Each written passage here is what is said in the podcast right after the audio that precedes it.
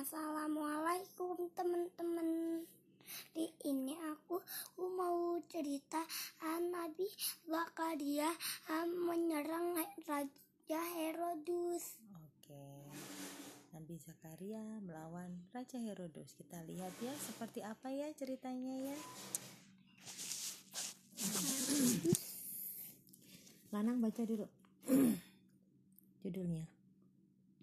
Meng- ha- ha- menghadapi Raja ah, ah, ja- jahat. Ya, menghadapi raja jahat. Kok ya ya kan Zakaria? Iya, sebentar dengarkan dulu. Masih cerita tentang Nabi. Yahya tumbuh menjadi pemuda yang kuat. Tubuhnya tegap dan kekar. Ia juga diangkat menjadi nabi seperti ayahnya. Nah, kayak gini nih, barengan kan ya jadi nabinya ya. Nabi Zakaria masih jadi nabi, masih hidup jadi nabi, kemudian anaknya juga diangkat jadi nabi. Jadi tugasnya bareng-bareng. Hmm. Umatnya sama. Saat itu Raja Herodus semakin kejam. Rakyat Palestina sangat menderita. Ayah dan anak itu bersatu melawan penjajah. Nabi Zakaria menegur keras Herodus, "Bertakwalah kepada Allah, jangan berlaku sewenang-wenang sebab kejahatan akan dibalas Allah dengan siksa," kata Nabi Zakaria. Raja Herodus menjadi marah.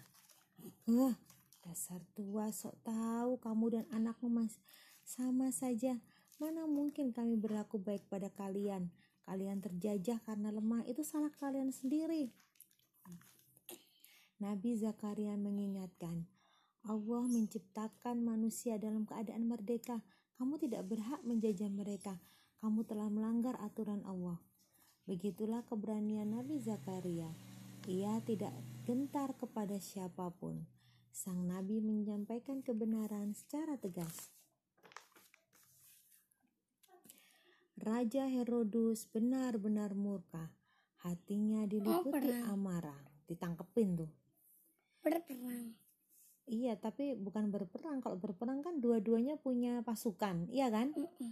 Ini enggak, Nabi Zakaria kan pasukannya enggak bukan yang bersenjata kayak pasukan perang gitu, lihat ditangkap ini. Kita baca dulu ya. Sejak itu Nabi Zakaria dan putranya, siapa tadi putranya Nabi Zakaria? Siapa? Siapa ayo putranya Nabi Zakaria ayo? Nabi, Siapa? anaknya Nabi Zakaria siapa namanya? Ya ya. Nah, anak sama putra itu sama. Sejak itu Nabi Zakaria dan putranya yaitu Nabi Yahya dikejar-kejar. Raja sudah memutuskan hukuman mati bagi keduanya. Tuh katanya Raja Herodus nanti kalau sudah ketangkep mau dibunuh atau boleh bunuh di tempat dihukum mau dihukum mati.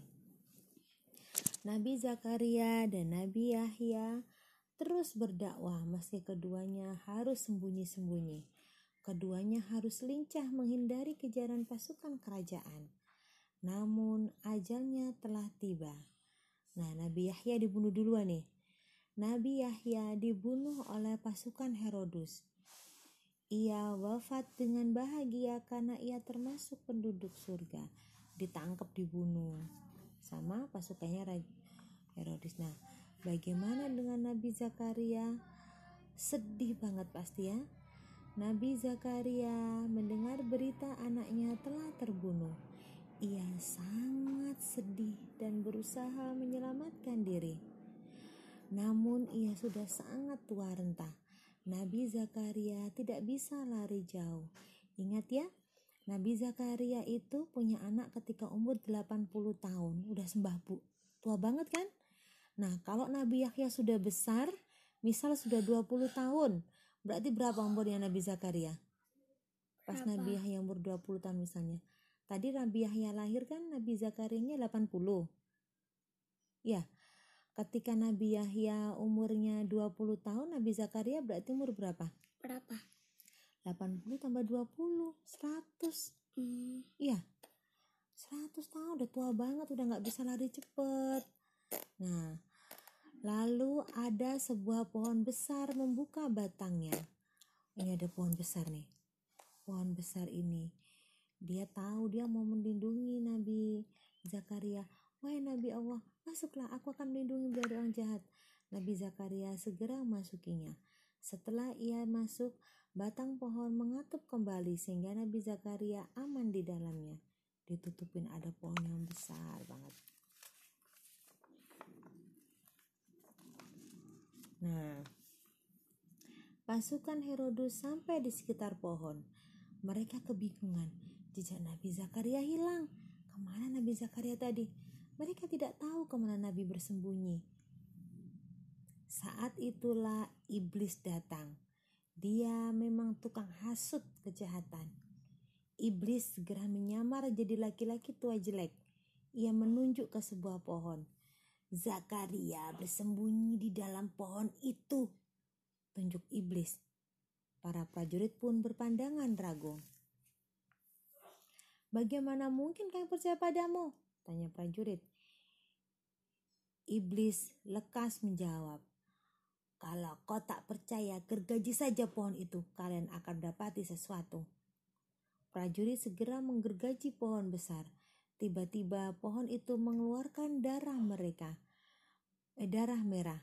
Mereka kian bersemangat memotongnya. Ini darahnya siapa? Siapa? Siapa yang sembunyi dalam pohon tadi? Zakaria. Iya, ini darahnya Nabi Zakaria.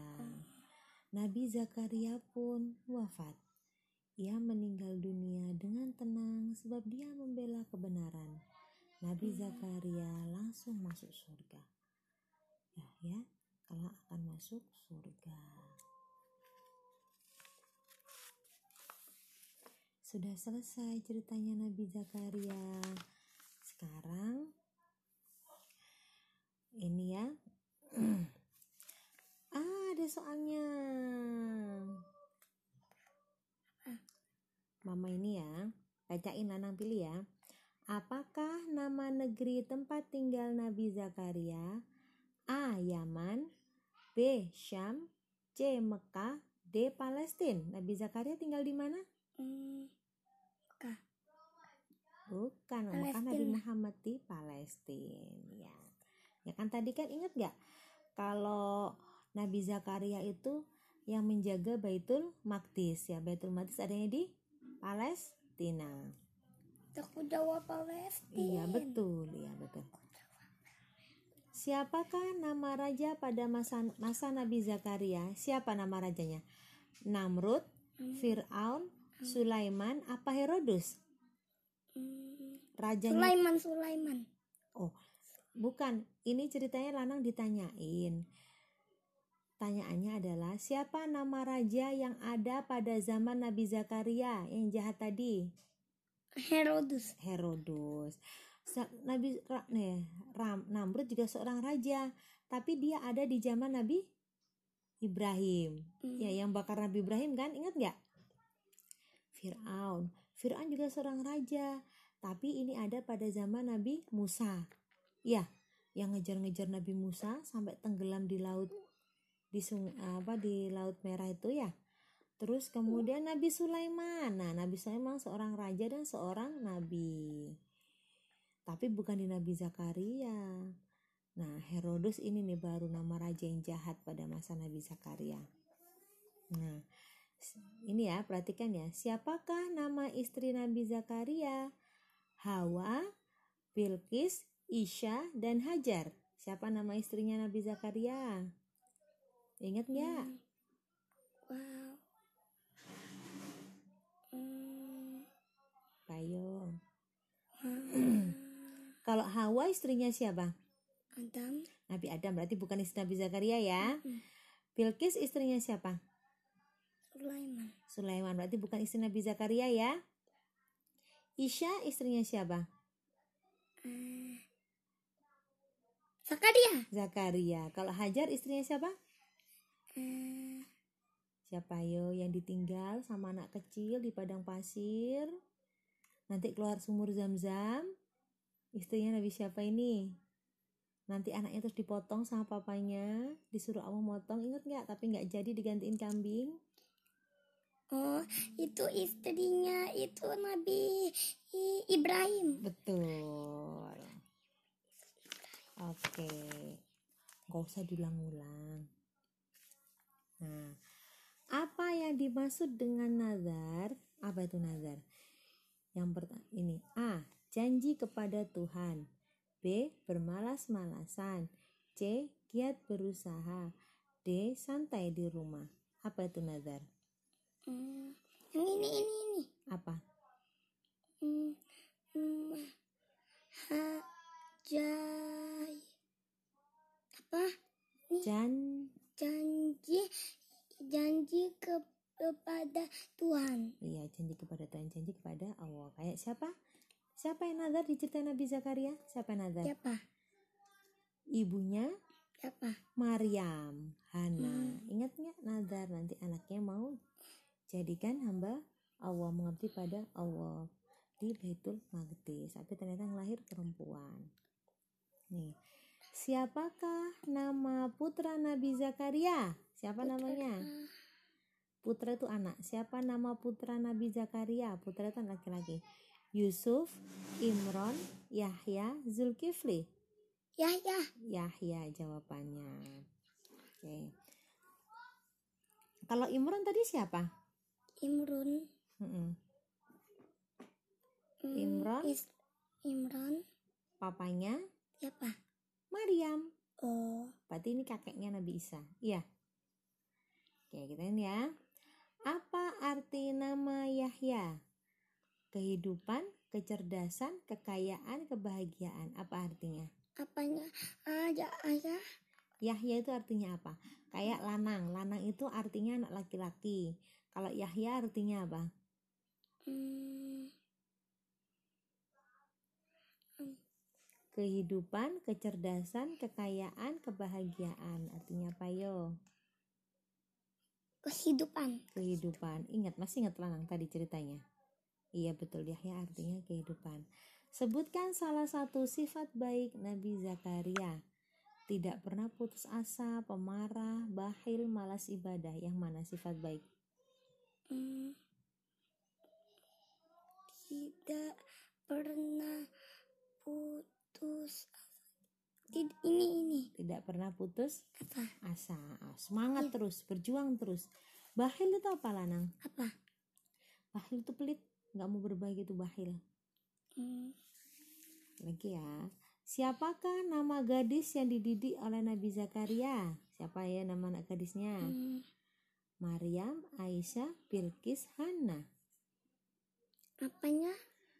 Siapa nama gadis yang dididik oleh Nabi Zakaria? Siapa nama anak perempuan? Gadis itu anak perempuan yang dididik Nabi Zakaria.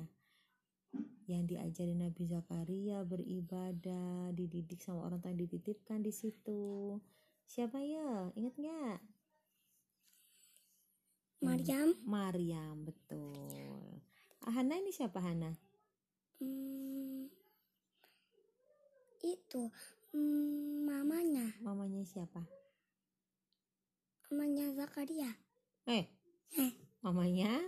siapa? Mamanya Maryam. Oh, Iya kan? Aisyah siapa Aisyah?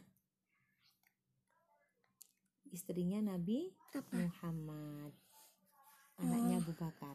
Oke, nanti lanjut lagi ceritanya nanti soal sampai ke Nabi Muhammad ya. Baik, dengan cara bagaimana Nabi Zakaria meninggal? Gimana Nabi Nabi Zakaria meninggal? Sakit, di penjara, dianiaya, dibunuh. Dibunuh. Siapakah yang akan dikabulkan doanya oleh Allah? Yang taat ibadah, yang malas ibadah, yang buruk akhlaknya, yang suka berkelahi, Apanya? yang dikabulkan doanya oleh Allah. Ini Yang yang yang taat taat apa? Beri? beribadah. Ini Iya, yang pertama beribadah. Orang yang taat beribadah, Allah akan lindungi. Allah akan kabulkan doanya. Doa itu ada yang dikabulkan di dunia saat itu juga. Ada yang nunggu waktu ngabulkannya. Ada yang nanti diganti Allah di akhirat. Ada yang diganti Allah yang lebih baik. Tapi orang yang taat kepada Allah akan diberikan yang terbaik. Oke, ini dulu dong. Iya, salam dulu, salam dulu. Assalamualaikum. Eh, bilang gitu. Sudah cerita Nabi Zakaria sudah selesai. Cerita Nabi Zakaria udah selesai. Nih, jumpa lagi di Jumpa cerita lagi di Nabi yang lain. Cerita Nabi yang lain. Insya Ya Allah. Allah. Dadah dadah. dadah. Wassalamualaikum Assalamualaikum warahmatullahi wabarakatuh. Wabarakatuh. Wabarakatuh. Faruk tidak teriak itu ya. Salam dulu. Salam. Assalamualaikum. Hari ini aku akan cerita buku Nabi Muhammad. Nabi Muhammadnya yang pertama. Nama nabinya Nabi Muhammad Shallallahu Alaihi Wasallam. Dan aku namanya Faruk dan aku umurnya masih empat. Aku aku Doni aku umurnya enam. Gigi aku yang bawa udah copot. Kalau ES umurnya dua, jadi dia masih kecil.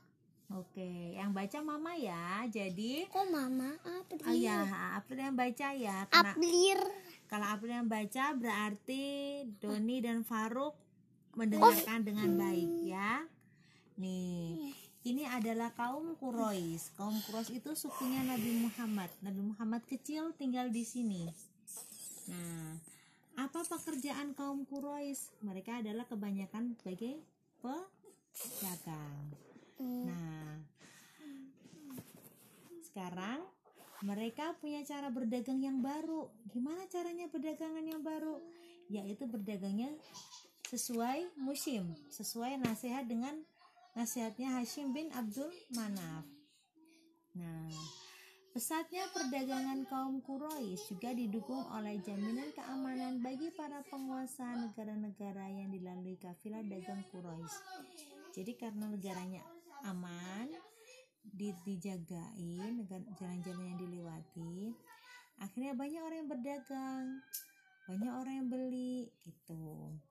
Hal ini merupakan nikmat yang sangat besar dari Allah Subhanahu wa taala. Sehingga sudah seharusnya kaum Quraisy bersyukur dan menyembah kepada Allah. Faruknya pergi. Ya nggak apa-apa. Saat itu ada tiga pasar utama yang menjadi tujuan kaum Quraisy dan bangsa Arab umumnya. Ada tiga pasar. Kalau pasar dekat rumah kan pasar Depok Jaya, ya. Ini di sini ada tiga. Yang pertama adalah pasar Ukas yang terletak antara Mekah dan Taif. Selain pedagang Arab, di pasar yang berlangsung pada 1 sampai 20 Dzulqa'dah ini juga terdapat pedagang dari Persia. Jadi pasarnya cuma 20 hari. Dari tanggal 1 sampai tanggal 20 Dzulqa'dah di pasar Ukas ini. Ya. Pasar yang kedua, pasar Majinah di Mekah. Jadi tadi pasar Ukas antara Mekah dan Taif. Pasar Majinah di Mekah menjadi tujuan kedua setelah pakar uka, pasar Ukas tutup sampai munculnya hilal Dzulhijjah. Jadi karena pasar Ukas ini paling rame. Tapi ini cuma 20 hari dalam setahun yaitu pada bulan Dzulqa'dah. Nah, kalau nggak lagi di Ukas, lagi tutup Ukasnya, pedagang-pedagang pada pergi ke pasar Majinah di Mekah. Pasar yang memiliki pemandangan indah dan air berlimpah tersebut dimiliki oleh Bani Kinana. Pasar ketiga terletak di perkampungan Bani Huzail. Pasar yang berlangsung pada 1 sampai 8 Dzulhijjah ini ramai dikunjungi orang-orang yang melaksanakan haji. Nah, ada satu lagi pasarnya yaitu Ya, itu. pasar yang terletak di perkampungan Bani Huzail. Pasarnya cuma sebentar yaitu ketika bulan haji aja. Jadi 1 sampai 8 Dzulhijjah. Ketika orang-orang melaksanakan ibadah haji. Sekarang ini ya 100 apa Lana baca saya Lana? Seratus unta unta untuk putra ah, kesa kesayangan. Oke. Apa maksudnya 140 untuk putra kesayangan? Kita baca yuk. Abdul. Muthalib, pernah bernadar akan mengorbankan salah satu anaknya jika dikaruniai anak Abdul laki-laki Muthalib sepuluh orang. itu kak itu uh, kakeknya Nabi Muhammad. Betul, betul sekali, Lanang betul. Abdul Muthalib adalah kakeknya Nabi Muhammad. Abdul Muthalib ini dulu ketika belum punya anak pernah nadar. Apa nadar?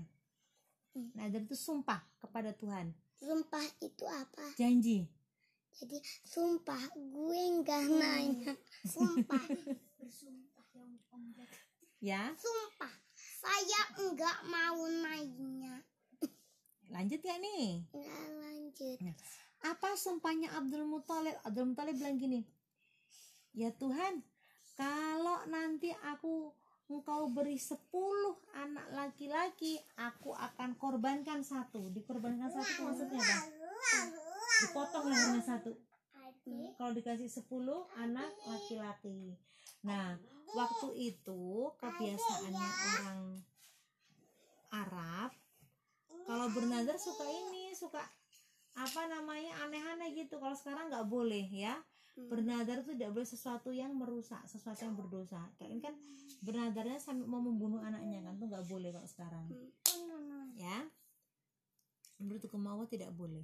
Nah, ternyata benar Allah kasih anak laki-laki 10 orang. Maka Abdul Muthalib mengundi mereka untuk memilih siapa yang akan dikorbankan. Diundi itu tahu nggak gimana caranya? Ada kertas nih dikasih nama. Abdullah, terus lagi Abu Thalib, kasih nama lagi Abu Lahab, Hamzah, apa? Mama. Ah, tahu nggak aku kenapa bisa bisa bisa tahu uh, uh, Abu Ab, Ab, Abu Mut Abu Mutalib itu itu. Kakeknya Nabi Muhammad. Dari mana taunya? Omar Hana soalnya. Hmm. itu ini nama ayah Nabi. Abdullah nama ibu Nabi. Aminah nama bapak.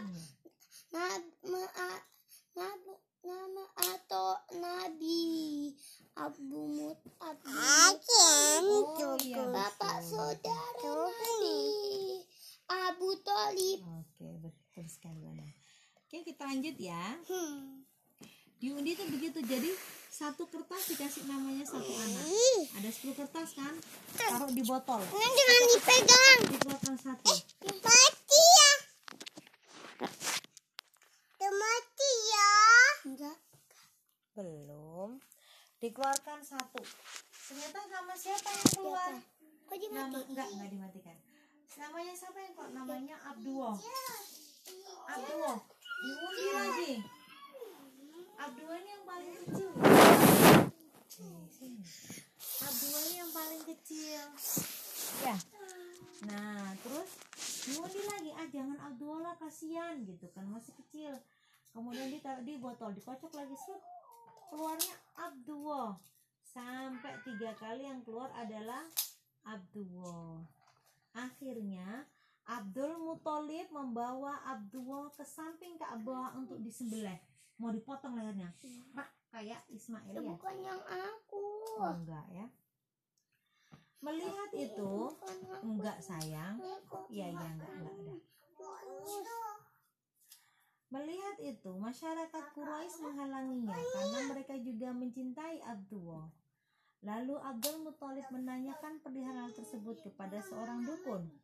Dukun itu memberi jalan keluar untuk mengundi kembali nama anak-anaknya.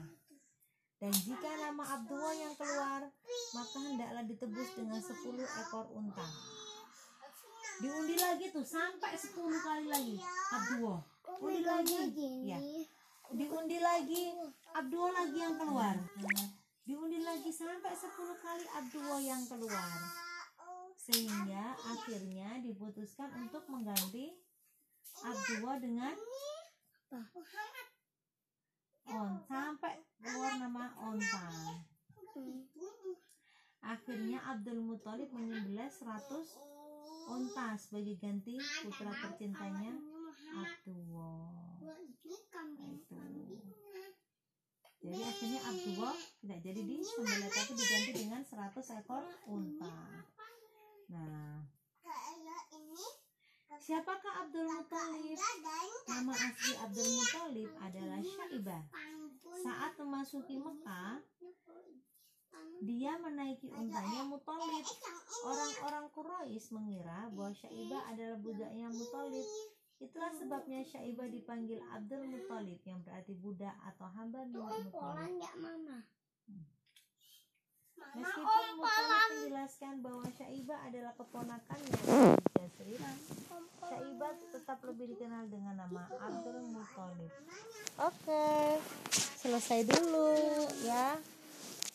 Oke, kita selesai dulu ya. Kita mau bobo udah jam 10. Ya, aku mau baca lagi. Ya udah stop dulu deh. Ya. Ya salam dulu, salam dulu. Nanti baca sendiri. Habis nih. Assalamualaikum. Assalamualaikum. warahmatullahi wabarakatuh. lagi. Dadah. Dadah. Anaknya. Assalamualaikum. Kum. Aku saya namanya Aku, namanya Faruk tapi aku umurnya empat. Begini sih dengan ujung. Oh, ES umurnya tujuh. Tapi aku se- ber- tapi aku juga dicampur namanya Mikey. Oh, namanya dicampur Faruk sama Meki. es campur yang digin dogin dogin digin dogin digin Ovi. Oh, ES campur sama Cofi. Oke. Hari ini Eh teman-teman namanya Iya. habis membaca ya. Eh teman-teman. Eh, ini siapa ini? Hah? Hari ini Mama, Faruk dan Katniss mau membaca sebuah bacaan Ini di itu ada aplikasi papanya Let's ya. Read. Iya. Ada sebuah aplikasi namanya Let's Read. Di situ ada banyak bahan bacaan untuk anak-anak. Kali ini Digin es ya pengen pengen nonton nih. Oh iya, ini bukan tontonan ini gambar. Mama akan membaca sebuah cerita judulnya Tunggu Aku. Digin ada Iya. papanya. Iya. Dengarkan ya. Namaku Lita. Mana Aku papa? Oh, suka membaca papa di sini. buku tentang sini. Amelia Papa di Earhart. Ini adalah buku Papa favoritku. Iya mana mama? Oh Dia mama. pilot Di wanita sini. pertama Di di dunia, Mama di sekaligus sini. pilot pertama favoritku. Nih, jadi ini ini ada seorang abang? Oh, perempuan abang. namanya. Amelia Earhart. Di Dia seorang pilot. Abang Dia pilot pertama sama abang. di Indonesia. Telah ada pilot pesawat tempur wanita pertama. Di sini. Kakak di Dia adalah pilot Ajeng Trisna. Dwi Wijayanti. Kalau yang di Indonesia namanya Ajeng Trisna Dwi Wijayanti. Mama, eh, eh, teman-teman. Iya, kita baca dulu habis itu ya. Aku juga ingin menjadi pilot pesawat tempur. Ciu! Tunggu aku pilot Ajeng. Semua bukuku ini hadiah dari Bapak. Bapak dulu menemukannya di antara barang bekas yang dikumpulkannya. Iya, Bapak pengumpul barang bekas. Sekarang buku Amelia ini kenangan terbaik dari Bapak setelah Bapak meninggal. Oh, papanya udah meninggal, Nak. Ini buku dari papanya. Isinya juga berbeda dari semua bukuku. Lebih banyak gambar, juga berwarna-warni.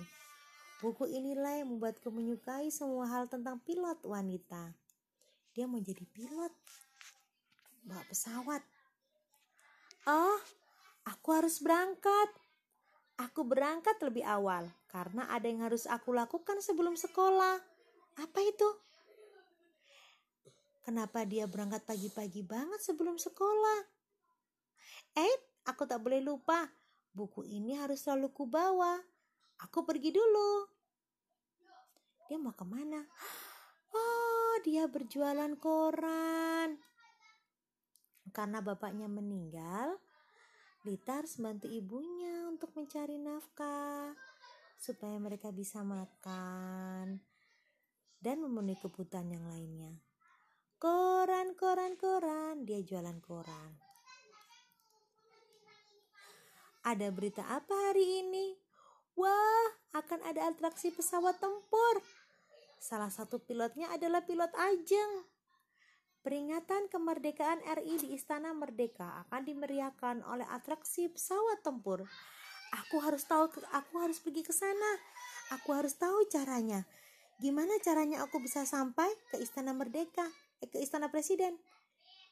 Su supaya ya di Istana Merdeka supaya aku bisa melihat pilot Ajeng mengendari pesawat tempur. Dia tanya sama si taksi, Pak, aku harus naik apa ke Istana Merdeka? Apakah bisa naik angkot? Oh, kata Pak Supir, aku harus naik MRT sampai ke stasiun Bundaran HI.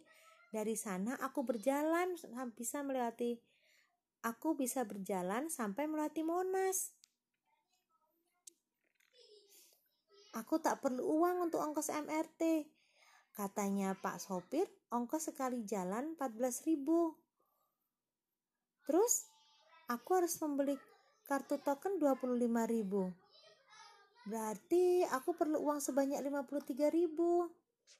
Uang tabunganku ada berapa ya? Apa aku pakai dulu aja ya? Sebenarnya aku menabung untuk membeli sepeda baru.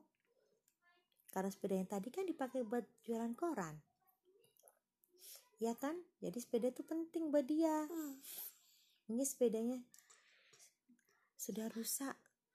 Ah, sepeda peninggalan bapak masih bisa aku pakai meskipun model lama. Aku tak mau melewatkan atraksi pilot ajeng. Aku pakai uang ini saja. Tabunganku masih bersisa. Nanti aku masih bisa menabung lagi. Ibu bilang aku bisa menonton di televisi.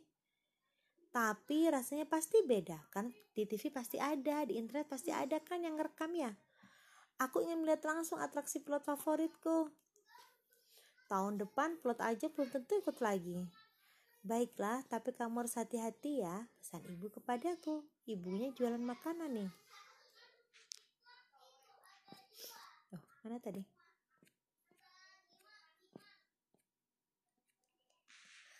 Hore, hari yang ditunggu tiba. Ibu membekali gorengan dan buras kesukaanku. Aku langsung ke sekolah untuk upacara bendera terlebih dahulu. Dari sekolah, aku bergegas ke stasiun MRT terdekat. Di sana ada parkir sepeda gratis dan aman. Sepedaku tak akan hilang. Ada antrian untuk membeli kartu token. Aku ikut berbaris. Antrian bergerak teratur meskipun pembelinya banyak. Akhirnya giliranku tiba. Ah, ngantri dia kayak kita kalau mau naik kereta ya. Ingat gak Faruk? Hmm. Udah lama ya kita nggak naik kereta ya. Hmm. Nanti insya Allah kapan-kapan kita naik kereta ya. Minta sama Allah covidnya cepet pergi. Ya. Orang-orang bergerak ke sebelah sana. Mereka menempelkan dahulu kartu di benda itu. Aku juga harus melakukannya. Eh, pintunya tidak terbuka. Ku coba lagi, tapi belum juga terbuka. Aku perhatikan orang di sebelahku. Oh, ternyata aku salah menempelkan kartunya. Nah, berhasil. Mama, Terbalik tadi. Taruh dulu bukunya. Beres-beres dulu ya. Ntar mama koreksi. Aku melihat orang-orang menunggu dengan tertib. Setelah semua penumpang yang keluar, barulah kami masuk. Aku duduk di mana ya? Eh, ada tempat duduk kosong. Oh, pantas saja. Ini tempat duduk khusus. Tidak apa-apa, aku duduk di sini. Nanti aku harus segera berdiri jika ada penumpang yang lebih berhak. Ini tempat duduk untuk ibu hamil, orang tua, atau orang yang cacat, atau orang yang bawa anak. Orang cacat itu misalnya kakinya, oh, nggak punya kaki. Atau lagi sakit, ya bisa seperti itu. Nah nanti kalau ada yang seperti itu aku akan berdiri. Nah aku juga bisa pindah kalau ada tempat duduk kosong yang lain. Stasiun Bundaran HI masih jauh. Aku sampai juga di stasiun Bundaran HI aku harus keluar dari stasiun ini. Nah itu.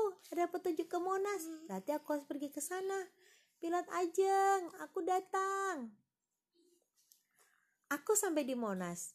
aku harus terus berjalan sampai di Istana Merdeka. Kan kita pernah lewat sini kan, lewat depan Istana Negara. Hmm, Tapi lah ini kok bisa sendiri ya? Apa itu? Ya, namanya juga cerita. Namanya? Hore! Istana Merdeka. Oh, aku bisa menonton upacaranya dari layar itu. Ada layar besar, disediakan layar besar. Wah, Karena nggak semua orang kayak boleh. gitu. itu pilot yang pakai ini loh. Tapi Di, di pesawat, iya. Bukan ini maksudnya helmnya ya, bentuk yang gambar ini kurang ini. Katanya, kurang tertib. Hei, itu pilot Ajeng. Katanya dia udah bersiap untuk atraksi pesawat. Dia menunggu sampai upacara selesai. Aku makan bekal saja sekarang, aku belum makan sejak pagi. Semua menunggu atraksi pesawat tempur seusai acara kemerdekaan. Duh, dadaku berdegup sangat kencang. Ah. Itu, lihat, lihat, sudah datang, sudah datang. Semua orang ramai berseru. Dadaku berdegup semakin kencang. Aku akan melihat langsung atraksi pilot Ajeng. Ingat gak, kita kan pernah dulu waktu ulang tahunnya Angkatan Darat. Pernah dulu yang di Monas, ingat gak ada banyak helikopter. Enggak, enggak pernah. Lupa. Oh iya, Sing. Sandra Sandri masih kecil, masih jalan, latihan jalan. Iya, lupa Mama. Nanti saat ada ada itu. yang itu ada Ulang videonya. tahun apa? Ulang tahunnya apa namanya Angkatan Darat. Nah, ada pesawat gini. Ciu.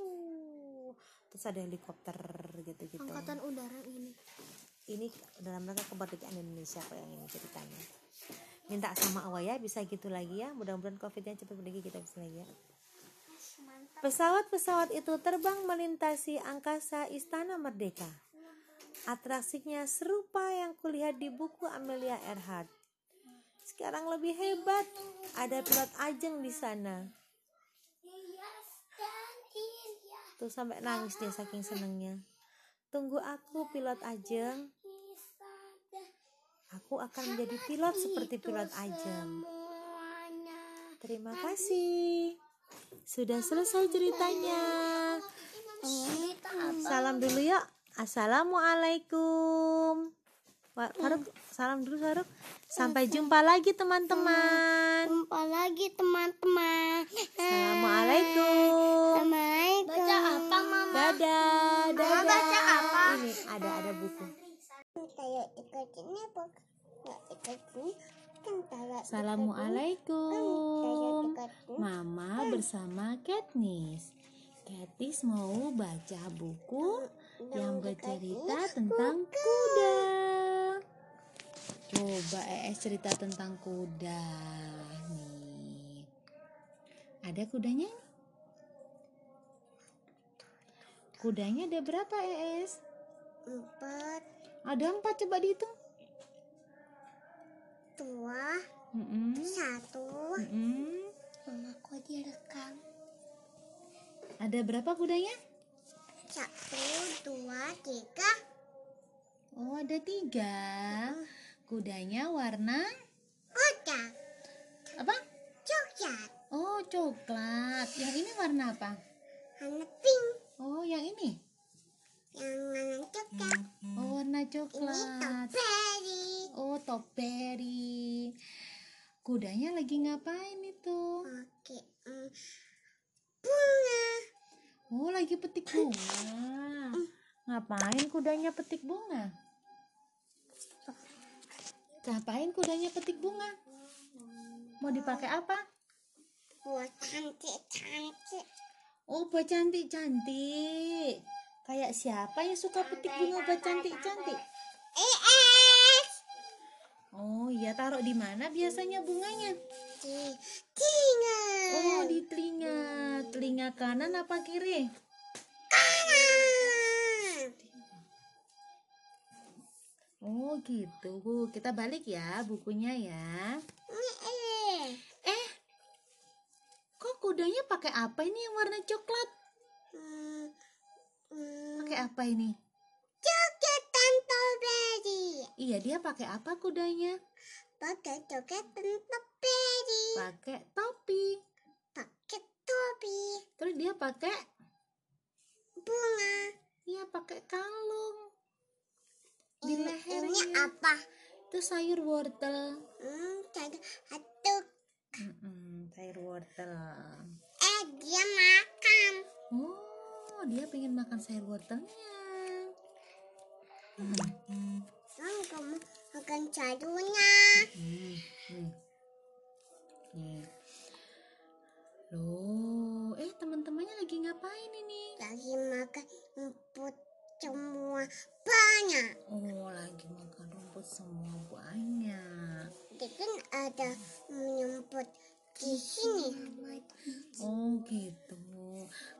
Berapa sekarang kudanya?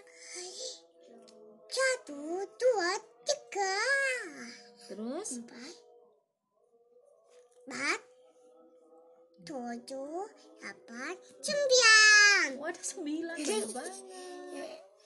Hmm. Mau berhitung sama mama nggak? Satu. Nah, kita hitung bareng-barengnya. Satu, dua, Dua, tiga, tiga. Tinggal satu nih. Ada berapa kudanya? satu, dua, empat. Tiganya ke mana? Enggak ada, enggak ada. Oh gitu. Nih. tiga, ada, ada. Ada, ada, ada, ada. Hmm. Eh, suka naik kuda nggak?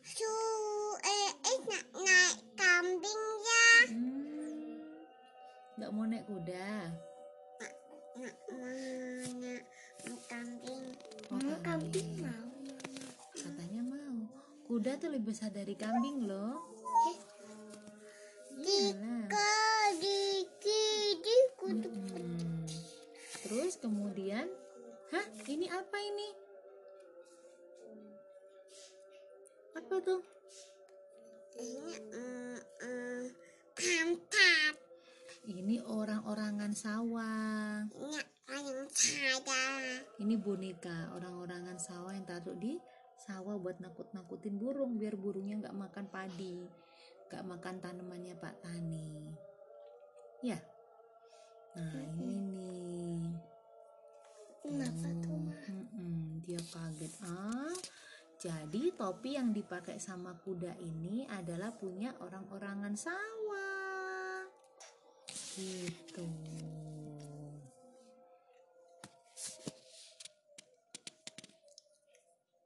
Nah, oke, sudah selesai. Kita mau sholat maghrib.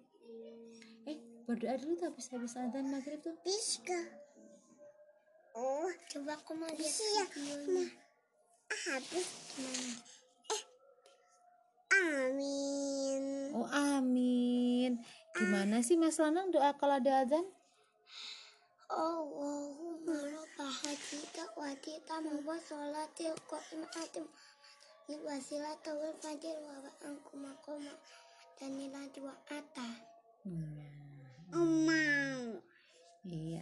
Dadah. Dadah. Assalamualaikum. Sebentar, sebentar. Uh, uh, mana tadi? Sebentar. Nah, salam dulu ya. Assalamualaikum. Um ini Lanang. Aku lahir di itu di Depok di Leli satu. Aku lahir Limpat. mm, di Leli empat. Hmm, terus, Kayak itu dua. oh tujuh. terus habis itu, Habis. Lanang mau apa malam ini? Lanang mau apa? Eh, aku mau baca Nabi Harun. Aku lahirnya pas itu pas pas 11 pas November. Tadi mama kan bumi. Nah, kita baca tentang Nabi Harun ya. Mm-mm. Namanya juga kenalan kayak aku dong Oh, mama. mama kenal juga mama. Assalamualaikum. Aku Mama, mamanya Lanang, mamanya Faruk, mamanya Katniss. Oh bukan. Oh, iya. Ah, mama apa lagi ya? Mama suka masak. Mama suka bacain buku. Kecari mama ngomong mama lahir Iya. di mana? Oh, Mama lahir di Lamongan. Sekarang Habis itu- tinggal di Depok. Karena mama sudah menikah. Habis Oh ya. habis itu mama tanya mama lahirnya kapan?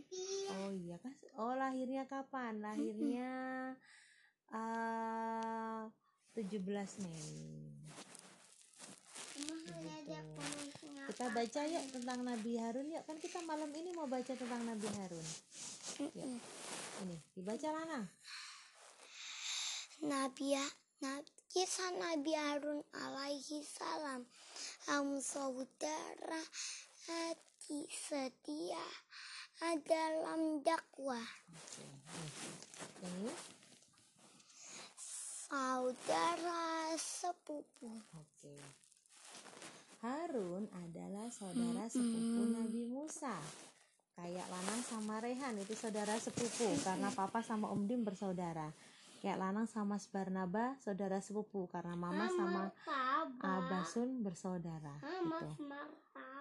Oh, poinnya. Jadi, iya. Oh, nggak ngerti, nggak ngerti tapi salah-salahin.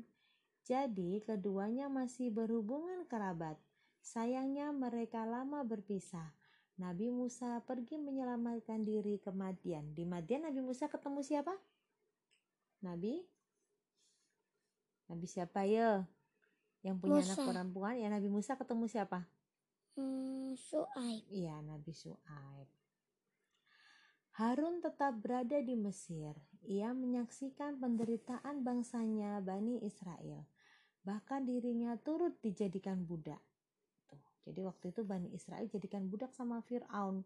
Disuruh kerja keras bangun istananya Fir'aun, tapi nggak dibayar. Kalau ada apa-apa disiksa. Namun Harun tetap berakhlak baik. Ia bercita-cita membebaskan Bani Israel. Ia terus memberi semangat kepada rakyatnya. Suatu hari Nabi Musa datang dari Madian.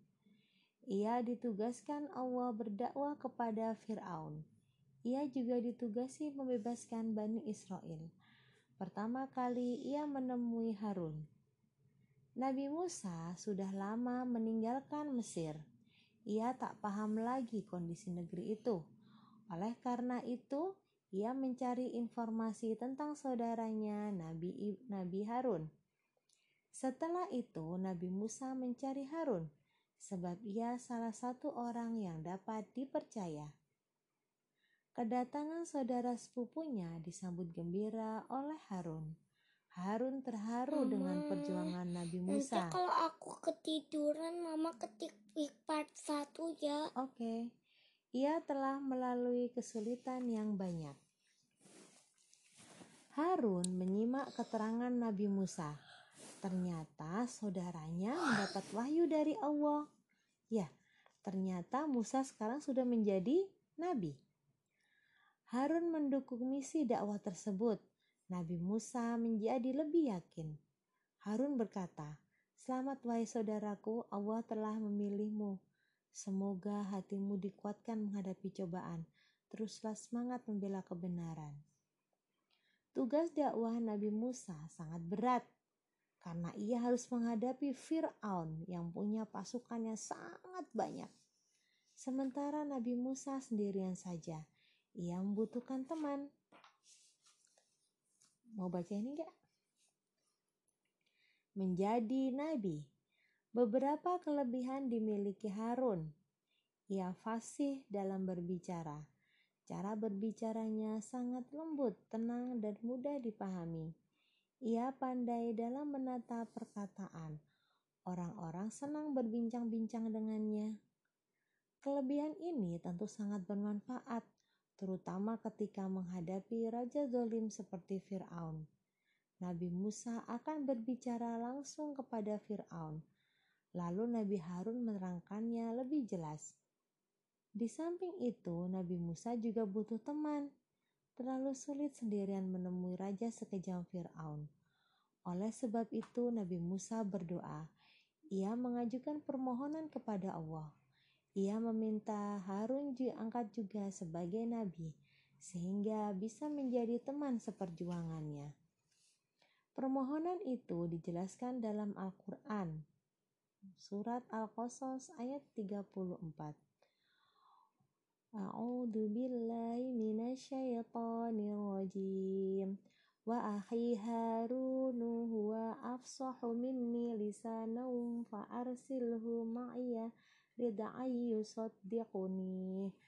Dan saudaraku Harun, dia lebih fasih lidahnya daripada aku maka utuslah dia bersamaku sebagai pembantuku untuk membenarkan perkataanku.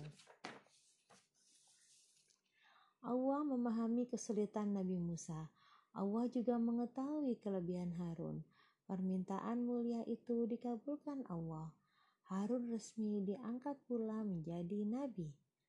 Tugas Nabi Harun sangatlah berat. Ia harus mendampingi perjuangan Musa Dialah yang menjadi teman sejati. Nabi Harun ditabah dalam berdakwah, sebab kesulitan yang akan dihadapi sangatlah banyak. Nabi Musa amat bersyukur permohonnya permohonannya dikabulkan. Nabi Harun juga bersedia dengan senang hati. Ia bersyukur dipilih sebagai nabi. Ia siap menjalankan tugasnya. Ia memang ingin membebaskan Bani Israel. Penobatan Harun menjadi nabi sangatlah penting. Kejadian ini dijelaskan dalam Al-Quran surat Al-Qasas ayat 35. A'udzu billahi minasyaitonir rajim. Qala sanashuddu 'adudaka bi akhika wa naj'alu lakuma sultanan fala yasiluna ilaikuma biayatina antuma wa manittaba'akumal ghalibun kami akan menguatkan engkau membantumu dengan saudaramu dan kami berikan kepadamu berdua kekuasaan yang besar. Maka mereka tidak akan dapat mencapaimu berangkatlah kalian berdua dengan membawa mukjizat kami kamu berdua dan orang yang mengikuti kamu akan menang Allah memberikan semangat dan pengharapan Nabi Musa dan Nabi Harun yang akan menang. Fir'aun dan bala tentaranya akan musnah. Keduanya diperintahkan mulai berjuang. Nabi Harun mendampingi Nabi Musa menghadap Fir'aun. Terjadi perdebatan seru antara mereka. Fir'aun mengaku dirinya Tuhan, namun ia tak bisa membuktikannya. Maka diadakanlah pertarungan ular lagi-lagi Fir'aun kalah. Ular-ular penyihirnya habis ditelan ular besar Nabi Musa. Itulah kehebatan mukjizat tongkat Nabi Musa. Nabi Harun menyiapkan orang-orang Bani Israel. Kaumnya yang terjajah disiagakan untuk pindah. Ia memberi semangat Bani Israel agar berani. Perjuangan itu sangat menegangkan. Ancaman dan siksaan Fir'aun semakin kejam maka datanglah perintah pindah dari Allah. Nabi Musa dan Nabi Harun menyeru kepada Bani Israel agar berangkat. Bani Israel yang jumlahnya banyak ikut menyeberang lautan. Laut itu terbelah dengan pukulan tongkat Nabi Musa. Mereka pun selamat. Kok dilempar? Iya, jadi kan dikejar tuh kan dari sana. Nabi Musa dari sana nih ini ada gambarnya nih. Sampai sini eh, dikejar. Fir'aun di sini nih. Kejar Musa dan pengikutnya kejar. Wah bingung Nabi Musa. Kalau di depan ada laut di belakangnya ada pasukannya Fir'aun kita lari ke mana ini? Aduh kita bisa dibunuh sama Fir'aun. Tapi kalau kita masuk ke air kita bisa tenggelam karena ini lautnya panjang banget ya kan? Kemudian Nabi Musa berdoa mohon petunjuk kepada Allah. Dan Allah memerintahkan ini laut ini lautnya nak. Nah kemudian Allah memerintahkan Nabi Musa untuk memukulkan tongkatnya ke air laut. Bismillahirrahmanirrahim. Iya ini laut airnya banyak pet. Langsung tiba-tiba air terbuka was. Nah jadi jalan. Nabi Musa jalan ini. Ini rakyatnya disuruh jalan turun duluan di Bani Israelnya. Surut nah begitu udah nyampe sini udah nyampe semua ya. Ini nyampe semua nih. Udah nyampe Nabi Musa udah nyampe nih. Tentara Fir'aun juga ikutan masuk. Surr, masuk ke sini ngejar. Ngejar terus. Begitu sudah nyampe sini sampai laut ya pasukannya Fir'aun Nabi Musa disuruh Allah. kerja jahat. Ini ya ini dicecer rancat nih sini rancatnya nih. Disuruh Allah memukulkan tongkatnya lagi ke laut. Pet! Akhirnya air, air lautnya nutup lagi. Wes Fir'aun dan pengikutnya dan prajuritnya tenggelam. Ya tenggelam. Gitu ceritanya. Oke karena Mas Lanang sudah bobo, kita sudahi dulu ya. Part 1 kisah tentang Nabi Harun. Sampai jumpa insya Allah besok. Dadah dulu ya. Dadah. Dadah. Salam. Assalamualaikum. Assalamualaikum. Mah. Rumah.